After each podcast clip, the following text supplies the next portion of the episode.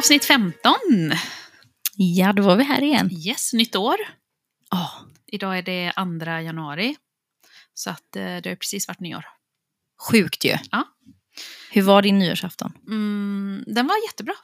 Mm. Den var väldigt chill, lagom, behaglig. Inte alls för sådär bökig, utan väldigt chill med goda vänner och god mat. Din då? Samma här. Mm. Samma här. Men jag tycker allting har gått så fort. Mm. Alltså julen kom, nyår och nu Mm. är vi här. Ja. Det gick så jäkla fort. Men ja, nu kör vi avsnitt 15. Det gör vi.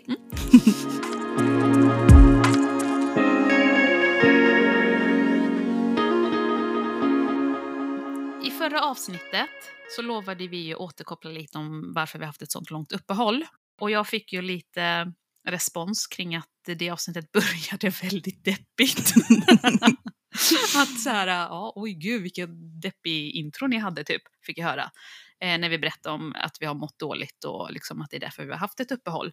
Men vi har ju ändå lovat och eh, lyfta det lite. Så att eh, here goes, tänker jag. Nu vi, tar en liten kort sammanfattning om eh, varför vi har mått skit helt enkelt. Ehm, och då tänker jag rent spontant, nu har det ju snart gått ett år sedan vi poddade. Ja. Och jag minns när vi började podda i någon av de första avsnitten så pratade jag ju om det här med årstiderna, att man är så jäkla trött under vintern och man blir så utmattad och energin är extra låg och sådär. Och så är vi ju där nu igen. ja, Tror- det är ju ganska exakt. Ja. Alltså det är ju februari, 7 februari släpptes vårt första. Precis, avsnitt. precis. Tror du det är säsongsbaserat? I och med att vi båda känner så här. Jag vet. Alltså egentligen så, för tanken har inte slagit mig faktiskt. Utan jag har tänkt att eh, det enbart beror på andra faktorer typ. Men, men det är klart, det här kan ju säkert påverka oss. Det gör det ju. Alltså jag, jag, nu har jag ju inte statistik eller forskning eller sådär, men, men det sägs ju, eller det sägs, det är ju så att man under vintern och hösten när det är mörkt blir ju Alltså man får ju mindre energi och mindre ork. Jag jag är extremt påverkad av det vet jag i alla fall. Men det är ju inte det bidragande i mitt fall. Jag har ju aldrig mått så här dåligt som jag har gjort innan. Det var i eh, november, hela november som vi hade uppehåll va? Ja, jag tror det. Mm. Och hälften av, nej oktober också. Hela Oktober, ja, november var det Hela nog, ja. oktober, november. Och så dåligt har jag aldrig mått i hela mitt vuxna liv. Som jag gjorde då. Och jag har ju liksom inte varit med om någonting farligt eller att det, det är jobbigt eller jag är ju inte deprimerad. Men jag har aldrig haft en sån grov eh, kris i livet. Och det är inte medelålderskris, det är inte livskris, utan jag känner att jag har någon form av karriärskris. Där jag känner att jag är så jäkla låst i det här ekorrhjulet som inte passar mig. Vi har ju pratat om det innan, när vi pratade om föräldraskap och pengar i det avsnittet. Hur jag alltid känner att liksom, jag är malplacerad i det här samhället. Och det här ekorrhjulet och den här vardagen och allt vad det är. Men det kändes extra mycket i oktober, november för mig. Så att jag har liksom aldrig mått så dåligt och känt mig så låg. Ångest, liksom, ångest över min vardag, karriärsmässigt då. Och så är det ju det här, ja, man är låst, man behöver sin lön. Man kan inte skaffa ett annat yrke för att vem har råd att börja om på nytt med en ny ingångslön, massa, massa tusen kronor mindre än det man har nu liksom. Så att ekonomin sätter ju lite käppar i hjulet på en. Och vem vill börja om när man är 36 liksom? Nej, men det bidrar ju också till ytterligare stress. Mm. Alltså ekonomiskt framför allt kanske. Och jag tänker väl att jag har ju väl också varit väldigt, alltså det har ju varit deppigt här Mm. på många håll. Så kul! Ja. Gud vad peppigt. Ja, eller hur? Men vi får det Ehm, överstökat tänker jag. Vi kör ja. deppiga biten. Jo men jag tänker det. ja. Och det, det är ju intressant hur man själv kan ändå känna att jag har aldrig, det har ju hänt saker i livet som har gjort att jag har mått eh, såklart mycket sämre än vad jag gör nu. Just när det har hänt eller, eller saker som har varit eh, jobb, väldigt, väldigt jobbiga. Men nu, om man tänker mer generellt mående, om man säger, eh, utan tydlig orsak så, så är ju det mitt sämsta mående också nu. Mm. Alltså jag har aldrig känt mig så stressad, så obeskrivligt trött bara. Alltså jag är ju så jäkla trött. Mm, Helt obotlig Ja. trött. Alltså Den det spelar ingen roll hur mycket jag sover. Ja. Och det, så här trött har jag aldrig känt mig. Eh, så att, eh, men jag, jag läste ju lite intressant alltså just kring det här då kanske med att och det är väl också om man fastnar så som du beskriver att du har gjort med karriären och det och man inte kan byta bana riktigt. jag läste ju om från Försäkringskassan. Mm. Det handlade om sjukskrivningar och om utmattning och sådär. Mm. Och nu säger jag inte att jag har en utmattnings... Eh, Nej, för det har jag ingen ju- diagnos. Vi har ju många utan- symptom på det båda två. Men, ja, och det, men det var intressant att, eh, alltså, och, och sjukt deppigt det här då, Mm. att de har tagit fram nu då en rapport som visar att mellan juni 2019 och juni 2023, detta året som har varit, eh, så ökade antalet sjukskrivningar eh, som har då stressrelaterad diagnos, alltså utmattning, från 28 200 till 42 000. Det är en och det är ju jättehög. Fan, det dubbla liksom Mm. nästan. Det är en ökning med 49 procent. Alltså, det är, ju- ja, hälften. Alltså Hälften. 50, Det är ja. helt, helt galet. Och det var ju utmattningssyndrom. Och också så här, högst är det då inom vård, skola, omsorg. Alltså Mm. när man tänker yrken. Mm. Men så har det Ehm, alltid varit. Det har det kanske Mm. alltid varit, ja. Troligtvis har det ju varit det. Men alltså aldrig tidigare så har så här många varit sjukskrivna Mm. på grund av stress. Aldrig tidigare har det hänt. Är inte det, Jo. så här, vad kommer det sig då? Ja, eller hur? Och jag, jag tänker ju... Alltså, jag är så svårt att förklara stress. För i min värld är stress att man ska skynda sig, man ska hålla tid, man ska skynda sig till bussen eller du vet, vad, alltså klockslag. Men det är ju inte det jag har mått dåligt över att hålla tider. Jag har ju mått, alltså jag har haft ångest över att jag inte trivs i min vardag och i mina rutiner. Just karriärsmässigt, liksom, att jag känner hela tiden liksom, jag, jag, vill, jag vill ha ett jobb som ger mig energi. Jag vill ha liksom en vardag där jag inte har måndagsångest. Jag vill ha en vardag där jag... Sen fine, inte det här att jobbet ska ge en lycka. Det, det, där, det är klart man måste gå till jobbet och kämpa och sen så man jobbar för att leva. Inte leva för att jobba liksom. Men det måste ju ändå finnas någon form av känsla som gör att man inte mår dåligt över att behöva ta sig till sin arbetsplats. Och jag, jag kollade någon sån här grej eh, på någon nyhetsinslag eller om det var någon faktagrej. Så många procent som vi människor är på vår arbetsplats.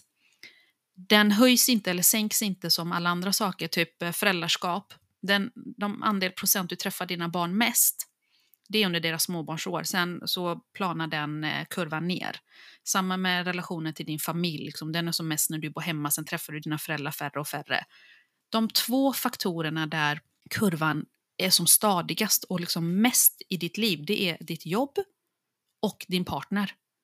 Det är liksom de största faktorerna i ditt liv, livet ut, som håller. Eller så förstår du vad jag menar? Så val av partner och val av arbetsplats påverkar ens mående mycket, mycket mer än de få åren du är småbarnsförälder eller de få åren sen när... Alltså, Ja, jag fattar. Alltså jag har jättesvårt att Ja, sätta ord på det. För det var, jag, jag. såg, jag Ja. såg det i bild, så det är mycket visuellt är det mycket lättare att förstå. Men det är liksom att val av arbetsplats, det, det, det påverkar ditt mående mest under en lång tid än vad det gör att vara småbarnsförälder under vissa år intensivt och sen släpps den. Liksom. Partner är ju en person du har livet ut förhoppningsvis. Och det påverkar också ditt mående jättemycket. Och så många procent vi tillbringar på ett jobb, det är ju, vi träffar ju kollegor mer än vad vi träffar våra barn och våra föräldrar och liksom vår partner. Så att det gör ju så mycket. Och sen då känna att man kanske har ett yrke som man kanske har vuxit ifrån. Alltså, vem säger att man måste ha samma yrke hela livet? Det kan ju vara att man väljer ett yrke som man trivs jättebra med och sen börjar man känna liksom, nej men nu har jag liksom vuxit ifrån det här eller nu vill jag annorlunda eller nu har jag insett det här med mig själv som gör att jag inte passar in i den här miljön. Alltså det kan ju vara så mycket. Och där tycker jag det är jävligt svårt för att samhället låser den. Man har inte möjlighet att börja plugga om om inte du vill ta CSN-lån. Man har inte möjlighet att bara ta ett nytt jobb för att då går du ner jävligt mycket i lön och det har du inte råd med dagens räntor. Eller elräkningen eller all kris som pågår i världen just nu. Så att jag känner mig jättelåst. Och det är det som har gjort att jag har mått dåligt. Att jag är låst i en position och jag försöker tänka lösningar hela tiden. Men varenda lösning jag hittar så är det så här, det är, det är en vägg i vägen liksom. Antingen ekonomiskt eller tidsmässigt. Eller du vet, det är så mycket som eh, försvårar en från att gå vidare. Tänk vad sjukt många det förmodligen är som känner så här. Mm. Det är säkert sinnessjukt många Mm. som känner att de borde byta väg men inte kan. Ja. Och det är ju hemskt. Eh, men det är ju som du alltså det är ju jävligt viktigt det här. Det är ju inte bara en arbetsplats eller bara ett jobb. För det är ju som du säger, och man är ju på riktigt på jobbet om dagarna mer än vad man är vaken tid hemma. Mm. Mer än vad man spenderar vaken tid någon annanstans är man ju på jobbet. Precis. Så vikten av att man trivs och mår bra, Mm. den är ju helt avgörande egentligen. Precis. Och jag är ju en sån person som tänker liksom, vadå, ditt jobb behöver inte vara din lycka. Så det är inte det att jag är en kräsen person som känner att Åh, mitt jobb måste ge mig jättemycket energi. Nej, alltså det måste åtminstone vara någonting som inte dränerar mig mentalt. Sen det är klart jobb tar energi från det. Man måste ju jobba, man måste ju ge energi. Och man, det är klart man blir trött och man måste återhämta sig. Det är inte det. Men jag menar den här, jag tror det är jättesvårt för de som aldrig har varit i den situationen att förstå om man känner ångest på en arbetsplats eller i sitt yrke. Det behöver inte vara att det är en dålig arbetsplats. Det kan vara att du känner dig själv malplacerad på Ja, grund av den du är. Mm. Så att det behöver inte ens, det kan vara en jättefin arbetsplats och en jättebra kolleg, alltså kollegor och jättebra, du vet sådär. Men om man själv känner sig malplacerad i det, vilket ofta vi med ADHD, nu pratar jag för oss med ADHD, bland annat gör många gånger, går runt och hålla en mask och maskera sig och vara formell och du vet, det är dränerande. Det läste jag faktiskt om. Ja. Eh, just det här vikten av eh, att det där med att bibehålla en roll eller ett, eh, en fasad nästan. Precis. Och i många yrken så är man ju tvungen att göra det av förklarliga skäl. För att man visar sig utåt på ett visst sätt Precis. mot kunder eller om det är liksom, boenden eller eh, patienter, eh, vad det nu kan vara. Vårdtagare av någon sort eller sådär. Eller också typ kund egentligen. Kundbemötande i en affär, alltså Mm. vad som helst. Men att det här att hela tiden skuffa undan sig själv och din personlighet kanske och behöva sätta upp en fasad, att det är otroligt stor eh, anledning till att folk typ går in i väggen och sådär. Ja. Mår sjukt dåligt. Ja. Att de behöver hitta ett ställe istället där de kan vara sig själva. Mm. Så det är ju, och som du säger med ADHD, maskerar. Och just liksom att man inte kan välja sin balans själv. Man kan inte flexa sina arbetstider på alla yrken. typ är det någon dag jag känner typ så här, fan den här perioden nu när det är så här mörkt och det är snö och det är slask och det är allt vad det är. Jag hade behövt jobb, börja jobbet en timme senare och komma hem en timme senare. Nej men man har inte möjlighet att bara, nej men nu vill jag flexa november månad för att det är så mörkt. Nej, men förstår du vad jag menar? Så att det är mycket sådana saker, det är mycket praktiska grejer också. Som du säger, det här tröttheten man aldrig har känt. Nej, men då kanske man hade behövt jobba kväll den perioden. Mm. Eller vem vet, liksom, Mm. alla är vi olika. Så att det här med att kunna vara lite... Eh, det finns ett ord som jag inte hittar nu.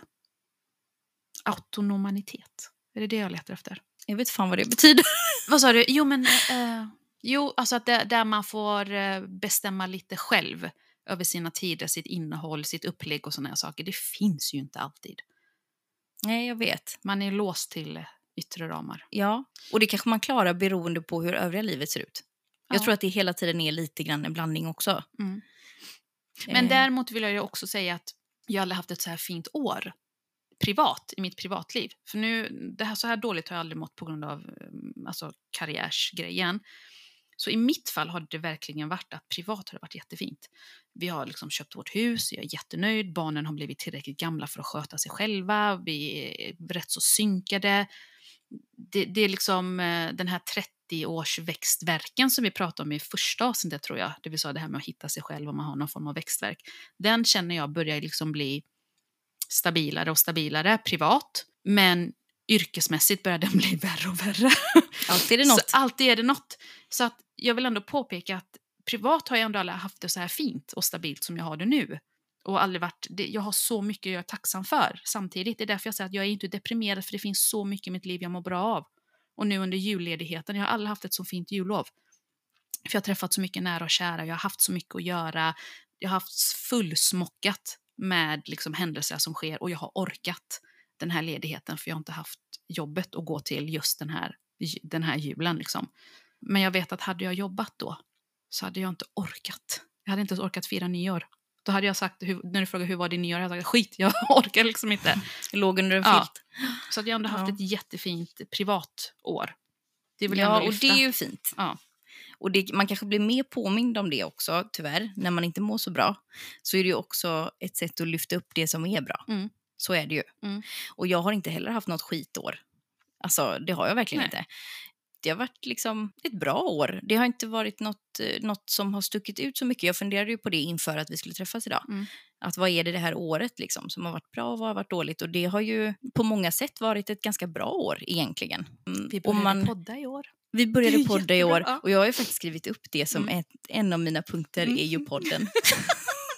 ja. För nu är det ett år sedan. Mm. Sjukt, för Mm. det känns inte som ett år Helt tycker inte jag. galet. Men det har ändå hållit på i ett år och jag är väldigt glad för det. Mm, jag med. Men sen också, jag har många saker. Jag, har, jag reste ju precis till Spanien också, Ja. faktiskt, i oktober. Mm. Och det var sådär fruktansvärt välbehövt Mm. att göra det. Alltså det var ju någonting som gjorde att jag mådde så jäkla bra. Sen kommer man ju väldigt fort in här i mörkret igen då. Eh, men det var en ljusglimt. En annan sak som hänger ihop med podden, Mm. Det är ju också att våran relation, Ja. alltså jag har ju hittat dig kan jag känna Ja. under det här året. Ja. Ja. Dels inom podden men, men också innan det egentligen. Ja. Och vi har ju känt varandra innan. Men det är ju först egentligen det här året, tänker jag, och kanske strax eh, innan, som vi verkligen har fått en, en djup relation Ja. och en vänskap Ja. som har vuxit fram. Och det tänkte jag ta upp också. För att jag vet att jag för ett tag sedan, äh, inte för ett tag sedan, men typ sen jag var 20, tänkte jag kommer aldrig hitta nya vänner för livet. Det gör man inte i vuxen ålder. Jag har liksom tänkt, jag har mina vänner från, eh, men från barndomen, från ungdomstiden som är mina, liksom, mina tajta, tajta gäng. Och det är de som gäller livet ut.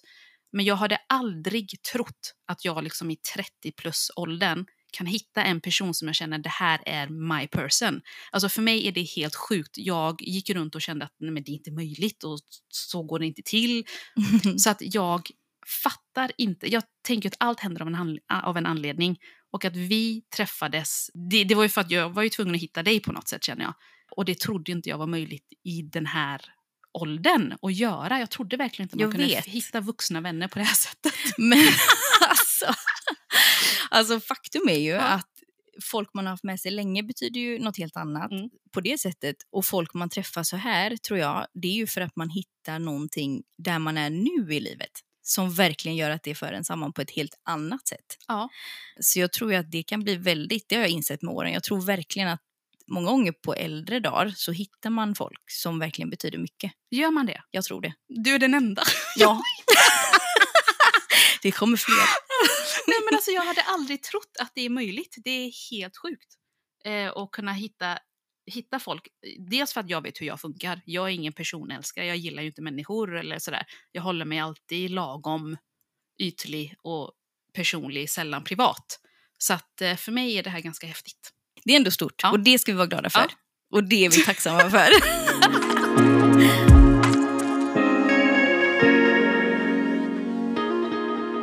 Alltså du hör ju, vi vänder ju det till det bra känner jag. Så att nu släpper vi det här deppiga och tråkiga och så fokuserar vi på vad som funkar och vad vi vill ha, tänker jag. Så att, eh, vad ser du fram emot med 2024 nu då? Jag, ehm, alltså du vet att jag har aldrig hållit på med nyårsluften eller så. Så löjligt. Ja. Alltså jag är verkligen inte den personen Nej. känner jag.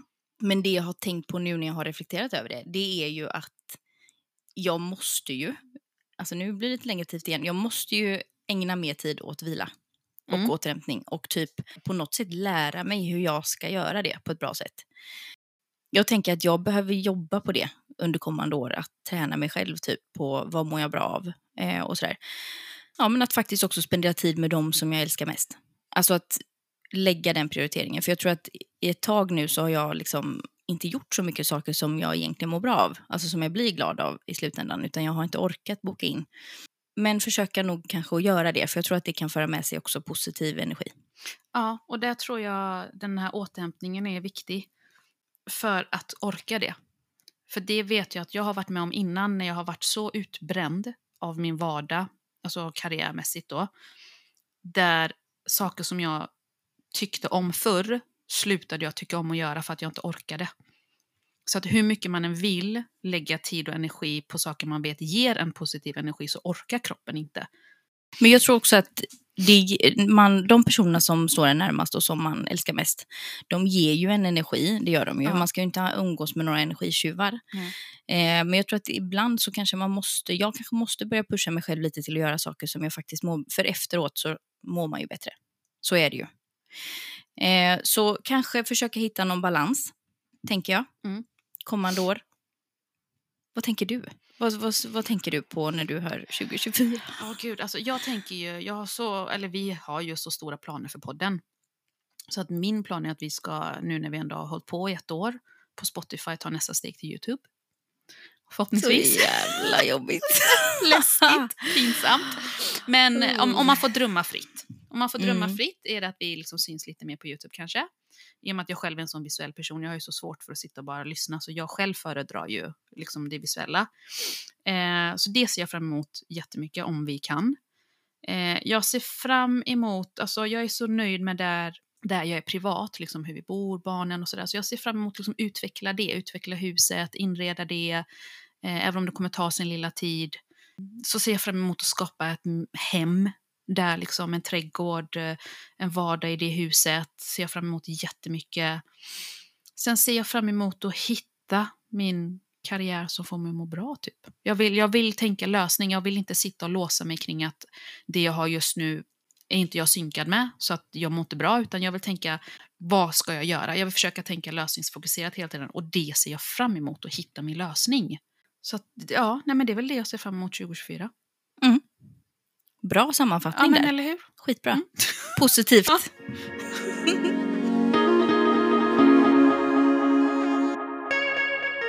Vet du, jag har tänkt på en sak. Mm. Det är egentligen ett tips samtidigt som det är någonting som jag tänker att jag ska ta mig an. Det är en bok som jag vill läsa. Som är skriven av Åsa, heter hon. Åsa... Mm, vad bra att man har koll. Mm. Hon heter Åsa Wikman. Mm. Och hon har skrivit en bok som heter Handbok för högkänsliga. Mm. Och det jag ville fråga dig om Ja. var...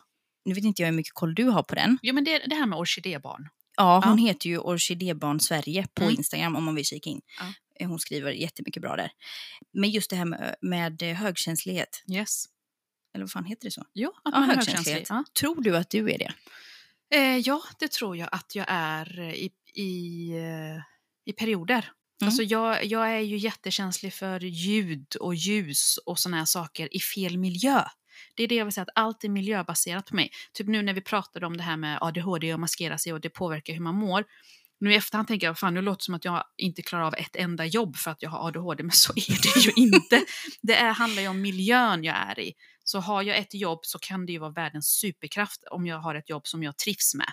Och samma med det här med ljud och ljus och såna här grejer. Är det fel miljö för mig där det är eh, för mycket ljud och brus och stök och liksom intryck så mår jag dåligt av det. Men är jag på en konsert och det är någon artist jag gillar och jag älskar det här typ så här bildspelet, jag älskar ljuset, eh, eh, strobe lights, alltså det kan vara massa grejer som en person kanske får epilepsi av, kan jag sitta och, och få värsta kicken av. Så att ja, jag kan vara jättehögkänslig och inte beroende på vilken miljö jag är i. Så att jag kände liksom det lite grann, det låter ju fan som att det är vi som är problemet hela tiden. Men det är, alltså nej, det, det beror på vilken miljö man är i. Det kanske det gör. Och jag tänker, jag tänker också så att nu när jag lyfter det här med högkänslighet. Mm. Alltså för det första så har jag ingen aning om, om jag är det eller inte. Mm. Jag tänker att jag kanske vet det mer när jag har läst boken. Förhoppningsvis. Och det är det jag tycker är lite intressant. För att det jag bara vill lyfta är att det som är tydligt, alltså det, det handlar inte om att man är överkänslig. Nej. Det låter ju som det tycker jag. Högkänslig, Ja, det att du det, är ja. helt överkänslig. Men, men tydligen så är det, handlar det inte om det. Men det handlar ju mycket om att man övertänker och typ är jättekänslig för stämningar. Ja, men det är ju vi två. Ja, och det var Ja. det jag kände, det var det jag hakade upp mig Mm. på. att gud, så, Sån övertänkare och så himla känslig för folks Men- stämning. Ja, men återigen så tror jag att vi är det baserat på miljön. Om det är en miljö som påverkar oss. Alltså, går jag och du och handlar i Hemköp, då skiter vi väl i om kassörskan är otrevlig mot oss, för att det påverkar inte oss. Nej, men förstår du vad jag menar? Så på så sätt är det inte att vi går hem och grinar över att fan vilken otrevlig eh, kassörska, eller gud vilken otrevlig person på bussen det var, eller sådär. Utan vi är ju extremt känsliga när det är återkommande i vår vardag. Som någon annan kanske inte hade varit lika känslig för. Så det måste vi ändå stå för, att jag tycker att vi är extra känsliga. Men återigen så är det inte som att Mm. vi är två sköra små glas som krossas bara någon blåser på oss, utan det är Nej. väldigt mycket miljöbaserat tror jag. Men det kanske är det och det är därför jag tänker att det är ganska intressant att, eh, att läsa om, eh, Mm. om det. Mm. Och få lite mer, för jag kan inte mycket om det. Och jag tänker att nu kan man ta reda på lite mer om sig själv. Mm. Eller så stämmer det inte alls överens och då, då vet vi det. Men, men den ska vara bra har jag hört. Mm, jag har hört jättemycket hört. bra om den. Eh, så in och läs. Och hon är ju eh, socionom Mm. och också specialist inom högkänslighet. Så att Ja. det är ju ett proffs. Jag vet ju till exempel att, jag vet inte om du är det, men jag är ju sån som känner extra stark glädje också. Typ så här, ser jag en film så kan jag bli så liksom exalterad om det är jättebra. Och så kan jag bli så, alltså jag gråter ju hur lätt som helst och liksom det är som att det jag ser på filmen händer mig. Så att jag vet ju att jag reagerar ju starkare kanske än vad en vanlig person hade gjort kring massa saker. Mm. Men jag tycker ändå också att jag är väldigt bra på att vara alltså, kall. Alltså, jag kan vara väldigt kall när det behövs. Men det är det jag menar, jag av. blir osäker på eh, och vad innebär detta egentligen och sådär. Ja. Men, Men- sen kanske det också är en försvarsmekanism. Kan att man vara, dåligt kan vara. Ja. Ja. Det Ja. måste ju också finnas en gräns för hur mycket man kan ta in typ, Ja, av eh, intryck. Ja, Okej. Men den boken rekommenderar vi. Mm. Eller du? Eller ja. utan att veta. Utan att ha men, eh, ja, tips i alla fall. Yes. Eh, på tal om eh, nyår och sådär så har jag laddat ner nyordslistan för 2023. Vet du vad det är för något? det är nya ord som har uppstått under 2023. Vem bestämmer det? Att de har uppstått? Eh, du, det var en svår fråga. Alltså har de typ kommit in i, eh, vad heter det? Eh, ordboken? Ja, exakt. Ja, jag tror det. Eh, det här är i alla fall från Institutet för språk och folkminnen. Eh, och det här är en lista, alltså varje år släpps ju nyordslistan. Där det blir liksom nya ord som sätts till. Fan vad sjukt, Ja. jag har missat det. Jag hoppas inte jag säger fel nu bara, men jag tror det är så. Men jag tänkte läsa upp några ord för dig och så ska vi se om du vet vad det är. Mm. Eh, för det är vissa ord som är helt så här, okej, ska det här finnas liksom? Men Barbenheimer, Nej, ingen aning. du, kan du gissa?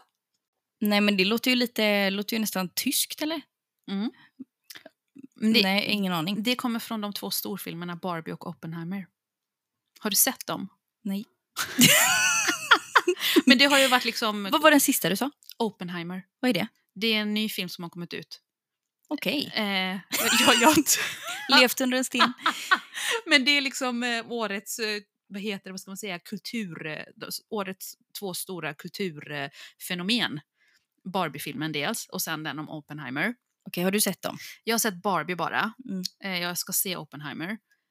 Jag hoppas jag uttalar det rätt. Men att liksom de orden har satts ihop. Men vad är det? Är det hypen kring dem då Ja, typ? och då betyder att det är förklaringen som här står då. Ordet Barbenheimer har använts för att benämna de samtidiga biopremiärerna av de två filmerna, men också för att se de två filmerna efter varandra, samt för diskussioner om kontrasterna mellan de båda filmerna. Ordet har använts i utvidgad betydelse om samordning av två händelser i kulturvärlden som båda drar stor publik. Jesus. Ja. Okej. Okej. Bubbelhoppa. Alltså jag hoppas att jag har någonting med mousserande vin att göra när jag hör det. Okej, det handlar om att medvetet byta miljö för att komma ur sin egen bubbla och på så sätt få nya perspektiv och kunskaper. Så nu är det dags att Va? bubbelhoppa. Men det var ett bra ord. Mm. Nu ska vi se, det finns så många ord här, jag kan inte ta alla. Så jag ska ta, okej, dopaminfasta. Det måste ju ha någonting med eh, dopaminet i kroppen. Att man, eh, att man behöver liksom lite intrycksvila eller något. Nej? Ja. Avhållsamhet från aktiviteter som antas ge påslag av six... som antas ge påslag av signalsubstansen dopamin i hjärnan. Men du, vad är det för aktiviteter nu igen då? Är det, Ja, men, är det fysisk aktivitet just? Ja, det, här är det ett citat då från Svenska Dagbladet 29 september 2023 där det står så här. På kvällen sitter jag med en bok och en hård smörgås istället för att titta på en tv-serie och ta ett glas vin som jag ofta gör. Mobilen har jag satt på ljudlöst och lagt på hallbordet. Men alltså, då tänker jag, vadå? Du kanske får dopamin av att läsa en bok, eller? Exakt. Jag kan få det om det är en jättebra bok. Ja. Och sen undrar jag också, varför ska man dopaminfasta? Varför ska man inte ha dopamin? ja, men det är det. För dopamin är väl bra? Ja. Det är belön hjärnans belöningssystem ser jag här nu. Och ger en upplevelse av eufori och lustkänsla. Är det att man kan missbruka det då, eller? Att man blir, att man Eh. blir ber- beroende Ja, men av... så kan det nog vara. Så kan det nog vara. Det står faktiskt att eh, ja, men träning då, på Mm. hög intensitet, det ger ju tydligen mycket dopamin då. Mm. Men det kan också vara äta god mat, motionerar, ha sex. Okej. Ja, men dopaminfasta, då ska man liksom hålla sig borta från det här. Och då undrar jag vad syftet med det är. Är det för att inte utveckla ett missbruk? Ja, det vet jag fan, varför skulle man Ja. inte vilja eh, uppleva... Sen tycker jag det här förslaget var helt sjukt att man ska läsa en bok istället. Men vad fan, jag kan få dopaminkick av att läsa en jävligt bra bok. Ja, men det är det jag tänker. Ja, den och var lite- mackan där, maten ingick ju. Men... Okej, här kommer ett ord. Om du kan den här så undrar jag varför du kan den. Men dubbelswisha. Är det när man har glömt att man har swishat som man swishar en gång till? Ja, det var ju logiskt tänk. Det står för att betala två gånger i rad på till exempel en massagesalong där den andra betalningen misstänks vara för sexuell tjänst. Men då tänker jag, kan du fatta hur Va? många, hur många, alltså- alltså vilket system det här är satt i, att det har kommit ett ord för det? Dubbelswisha. Att, att det här, Är det för att de först betalar för utförd eh, behandling, det Ja, korrekta priset ja, då? och sen betalar du för den sexuella tjänsten. Och tänk Men då, tänk då att det här är satt i system bland folk, så att det har tillkommit ett ord för det. Shit vad sjukt. Ja. Tur att jag inte visste vad det var. Ja. Eh, Gargasnipe. Nej, det... Nej. Nej, inte ens en gissning. Smygtagen bild eller film på en person som anser sig konstig ut. Vanligtvis publicerat på sociala medier. Att det finns specifika konton som ägnar sig åt att hänga ut människor som är fula. Förlåt, jag har sett eh, att det, det har varit här- en trend. Ja, och så är det hashtag gargajakt. Och då är man en gargasnipe som letar efter de här konstiga människorna. Nej, det här är ju fruktansvärt Och då står det också så här att det kan röra sig om allt från en äldre dam med rullator eller en yngre man med hörlurar på bussen. Alltså det här är så sjuka grejer. Men gud vad sjukt. Kallas även gargamel-snipe. Det här är ju fruktansvärt trend. Tänk att se sig själv där helt plötsligt. Och uttrycket syftar på Gargamel då, vet du vem det är? Nej, Det är han fula alkemisten i Smurfarna. Nej, men... Nej. Alltså folk har för jävla mycket tid för att hålla sjukt. på med sånt här. Ja. Okej, här är ett ord som jag tror du vet vad det betyder. Ick. Ja, men att man... man eh, åh, vad svårt att förklara. Typ stör sig eller blir lite äcklad. Ja. Lite... Ja. drag eller beteende hos en person som en annan person finner frånstötande. Och då har jag sett såna här reels, typ såhär, ah, eh, fem ick på en kille. Och så sitter Mm. de och säger typ såhär, ah, det är ick om han eh, har dålig lön eller du vet massa såna sjuka grejer. ja, exakt. Eh, men egentligen, uttrycket the ick förekom under 90-talet i den populära, populära? I den, I den populära amerikanska serien som heter Ally McBeal. Har du sett den? Nej. Jag följde den jättemycket. Jag Va? älskade den, den var jätterolig. Det är den med den nakna bebisen som dansar. Hon, det, det är en advokatbyrå och så är det en av advokaterna som jämt ser en naken bebis dansa. Så här. Men den är jätterolig, låter jättesjukt. Okej. Men den, den är därifrån i alla fall. Eh, och som fick stor spridning också via tv-programmet Love Island. Det, det är bildat av den engelska interjektionen ick och betecknar en plötslig känsla av avsmak inför en person man tidigare sett som attraktiv. Jag måste säga att det ändå är ett bra ord. Mm, det är det. Användbart. Ja. Eh, här är fler ord. Okej, den här. En klivare.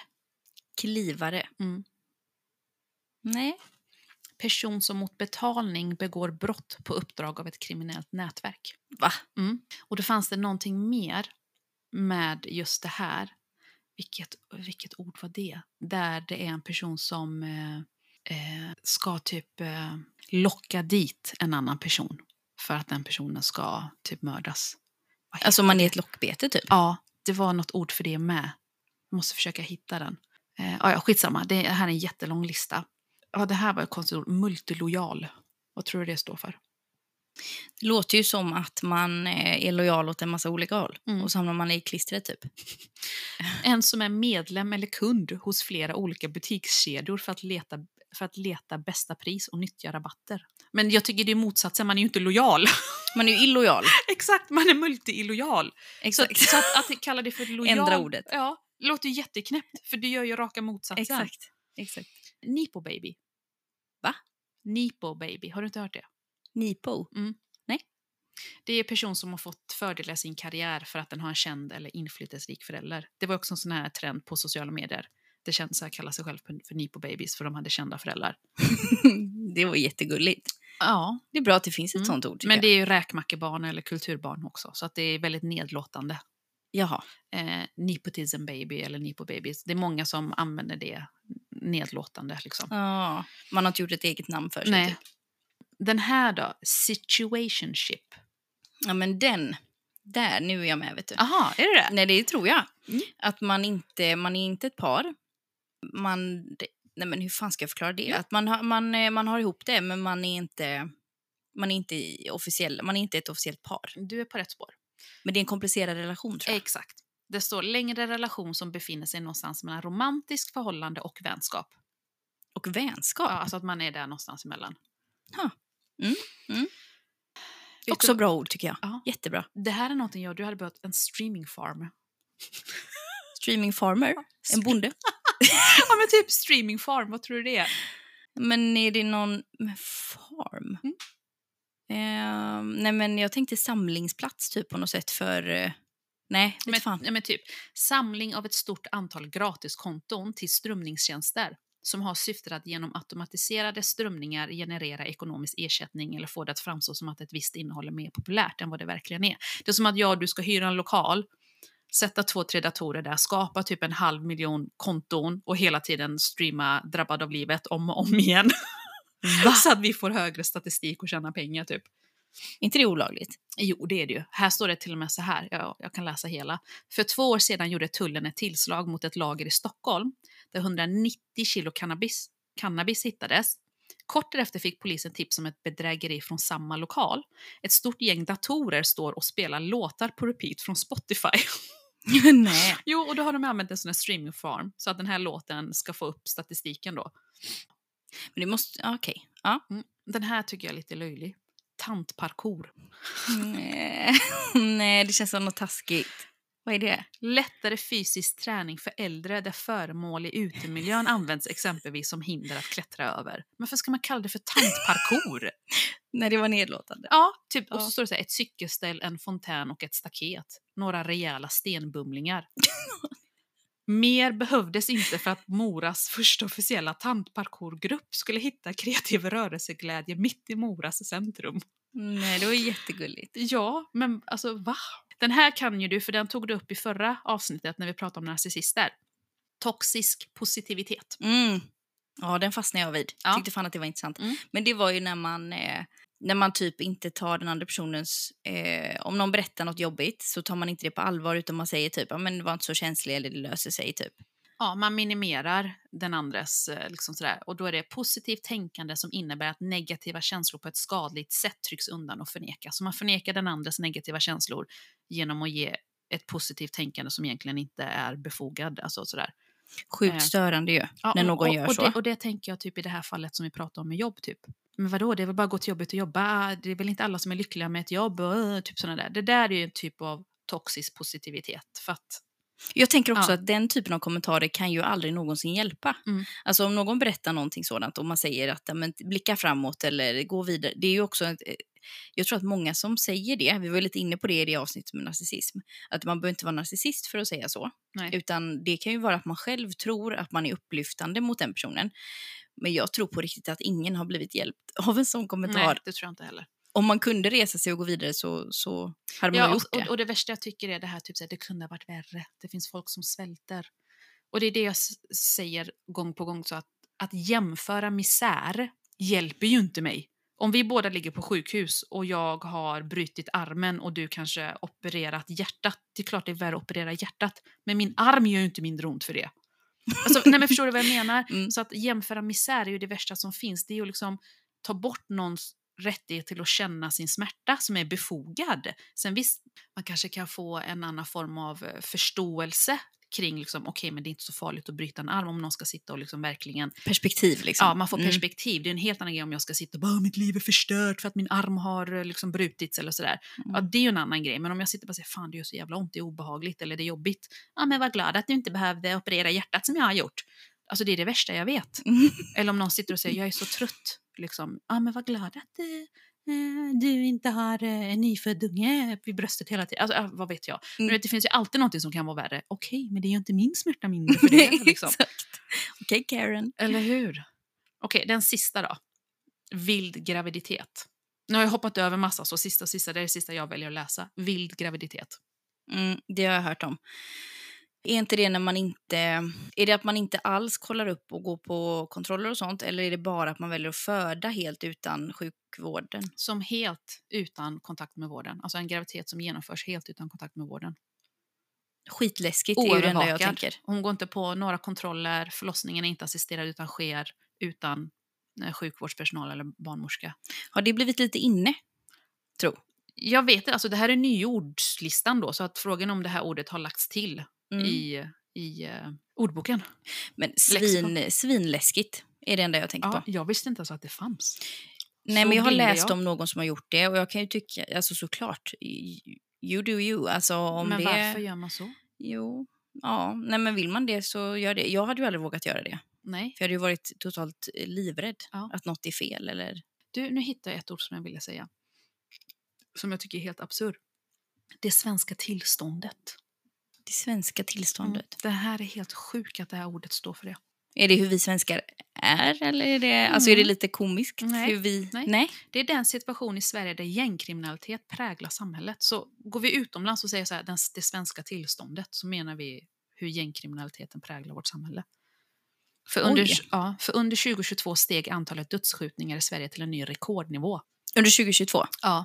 Eh, när året summerades hade 63 personer fallit offer för en skottlossning. Siffrorna har skapat avtryck i våra grannländer där antalet dödsskjutningar inte någonstans har passerat tvåsiffrigt under de senaste åren. Och i den politiska debatten då så används det här begreppet det svenska tillståndet som ett varnande exempel. Det här är ju sjukt. Fruktansvärt. Ja, men jag vet. Så våra grannländer har ju så här, det svenska tillståndet som en jättevarning. Det är ju läskigt. Oj, aj, sjukt läskigt. Eh, Men är man intresserad så är det bara att gå in, alltså det är bara googla nyordslistan 2023 så finns det mycket mer. Jag Ja. tänker vi hinner inte gå igenom alla. Men Men- kul! Ja. Lite nya ord. Ja, eller hur? Sen tänkte jag också prata om lite nya lagar. Nyhetsinslaget här. Ja, shit.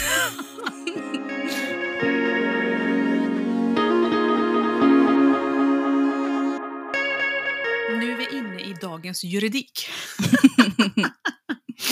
men det är ju nya lagar som träder i kraft. Jag kan ju inte gå igenom alla, men det kommer bland, bland annat bli höjd skatt på alkohol, tobak och nikotin. Det kommer bli höjd flygskatt, men det kommer bli sänkt skatt på bensin och diesel.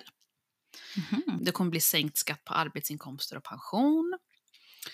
Massa, massa, massa, massa grejer.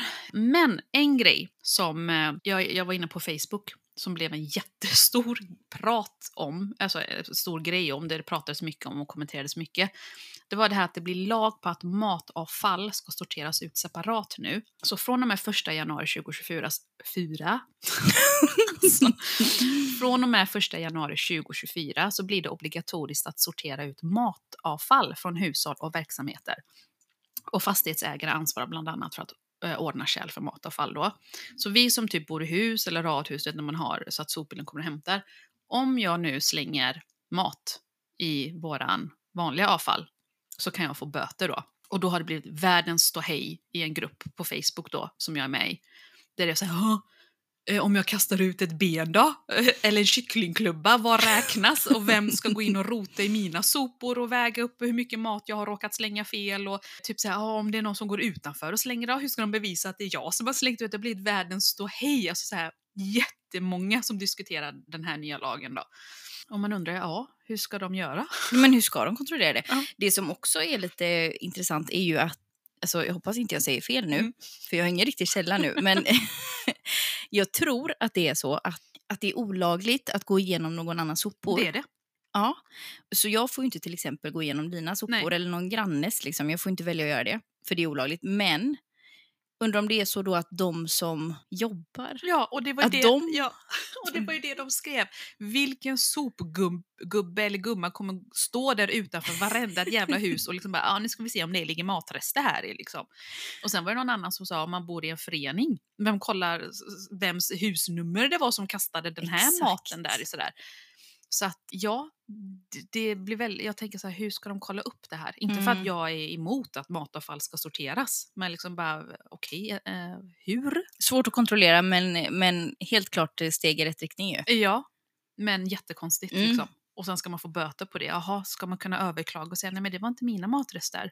Det var någon som promenerade förbi och kastade in en kycklingklubba där. Eller vad fan. ja. Men sen kan det vara en eh, ja, skärpta straff för brott och skjutvapen såklart. Eh, men sen var det en här som var intressant. Jag orkar inte gå igenom alla de andra, det är jättemycket. Men det var en om, eh, om att skrota bil Mhm. tillfällig skrotningspremie för äldre bilar. Med start 2024, fy, alltså men vad händer? Med start 2024 tillför regeringen 250 miljoner kronor per år under perioden 24-25 till en ny skrotningspremie. Alltså syftet är att stimulera att äldre bilar med förbränningsmotorer fasas ut. Premien ska gå till de som skrotar en äldre bil och väljer att köpa eller leasa en elbil istället. Så ut och skrota bilen! Det var som fan. Ja. kan man göra sig en hacka. Ja. Men hur mycket får man då? Det framgick inte. Det framgick inte. Och nu tänker jag så här, hur många kommer inte börja stjäla äldre bilar nu då? Åh nej. Fast Men man då måste, måste gå ha köpa... ägarbevis. Du måste säkert ha ägarbevis. vad det. Ja, ja, det måste man. Ja. Ja. Men den, den var intressant i alla fall. Så vill ni veta alla nya lagar, gå in på Dagens Juridik. Okej då. det börjar lida mot sitt slut. Och för er tappra själar nu då, som inte har eh, tappat orken att lyssna efter det här deppiga. Fast det var bara deppigt i början. Jag vet, men de kanske la ner redan då. Okej. Ja, Okej, men för, kul, kul att ni är kvar. Ni om det som är någon som ni är som kvar. är lojala i alla fall. Mm. Då ska vi köra en liten pest eller kolera. Mm. Mm. Då undrar jag vad du hade valt. Gud, det känns som att det var hundra år sedan vi gjorde pest eller kolera. Det var länge sedan nu. Mm. Vi glömmer ju saker och ting. Ja, ja, ja. Okej. Aldrig mer använda sociala medier. Eller alltid ha en öppnad burk tonfisk i din ficka. Jag tror du sa i din fitta. Alltså det ligger så farligt nära Jag det ordet. det där får ju våran klippare bli, alltså så här, bipa. Nej, men du, jag kan säga så här. Jag tog ju bort mina sociala medier när jag var så låg i oktober, november. Så att min kompis ringde ju mig. Hon bara, hur mår du? Eh, Är din Instagram borta? Lever Liksom. du? Ja. Eh, Så att jag hade ju lätt tagit bort mina sociala medier. Då hade jag ju Men allt. dopaminfastat. Exakt.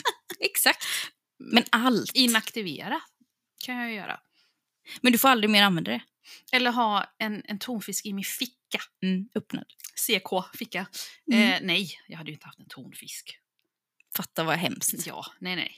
Jag hade ju tagit bort sociala medier. Vad hade Ja. du gjort? Nej, Jag hade ju- gått med tonfisk. Alltså jag tänkte först bara, vad fan. det. Ja. Jag tänkte så här, vad fan den är ju så enkel, man får ju ta tonfisken. Så satt jag och tänkte Och så innan. har du en bunt med typ kaffebönor i andra fickan Mm. för att försöka dämpa lukten. Jag väger upp. Nej, fan det går ju inte. Man hade ju varit tvungen då att ta bort sociala medier. Men tänk att göra det för alltid. Alltså du får inte ha något socialt medie. Det Mm. innefattar ju extremt mycket saker. Tror du man har varit lyckligare då? Ja, det tror jag. Jag mår jättebra när jag avaktiverar mina sociala medier. Jag mår jättebra då verkligen. Men ehm, det blir som Får du inte FOMO? Aldrig. Att du missar vad folk gör? Aldrig. Jag har inte sociala medier för att se vad andra människor gör. Men det har jag med dem, jag, alltså mina vänner liksom. Ja. Nej, men jag har ju mina vänner i chattgrupp och vi pratar så mycket med varandra ändå. Så att vi, ingen av dem är jätteaktiva på sociala medier. Det är inte där jag får info om deras liv. Men lite att det, det, det är ju lite så man följer varandra också på något sätt. Ja, men det är ju mina icke närmsta. Mm. Men jag har ju mina jättenärmsta tjejkompisar och vi pratar ju i, Ändå, i, i ja. liksom, eh, chattgrupp och sånt istället. Så att där, där får jag ju veta hur alla mår och hur alla har det och sådär. Så att jag tror inte jag hade känt någon stor skillnad. Jag har ju med sociala medier för att jag gillar att uttrycka mig. Jag älskar att lägga upp bilder, jag älskar att ta kort, jag älskar att göra reels. Det är en kreativ eh, eh, vad ska man säga, plattform Mm. för mig egentligen. Så det är det jag hade mått dåligt över i så fall och inte kunna dela med mig själv. Mm. Men inte för att följa andra. Nej. Nej men sant. Ja, hur som helst hade man varit tvungen att välja det då. Ja, Och gå i det. mm. ja, ja inte, inte tonfisk. Okej, vi kör en till. Ja. Jag är nyfiken på vad du hade valt. Mm. Att alltid ha två små visselpipor i näsborrarna. Alltså en i varje. Visselpipor. Mm, små. Eller alltid be dagens första okända person som du möter att hjälpa dig knäppa byxorna. Att knäppa upp byxorna. Nej, knäppa dina byxor. Jaha. Okej, nu kommer jag säga en jättekonstig grej. Men jag typ andas inte genom näsborrarna. Va? Nej. Jag tror jag har någon form av eh, sinus, någon konstighet som gör att jag inte... Jag, jag kan inte andas. Jag tror jag andas bara genom en näsborre. På riktigt. Jag får så dålig luftintag när jag bara andas med näsan. Men tycker du att du andas mycket med öppen mun då eller? Ja, Speciellt när jag ligger och sover eller om jag tränar eller får upp eh, liksom flåset. Jag märker det när jag ligger och sover, försöker andas in djupt, andas ut. Jag får inte in någon luft, jag är tvungen att till slut öppna munnen för att få in. Så jag tror jag har någon sån här sinusgrej där. Du känner dig täppt då eller? Jag vet inte, jag har säkert haft det så här hela mitt liv. jag tänker det kanske är en orsak till att jag har sån hög puls, jag får inte in tillräckligt med syre.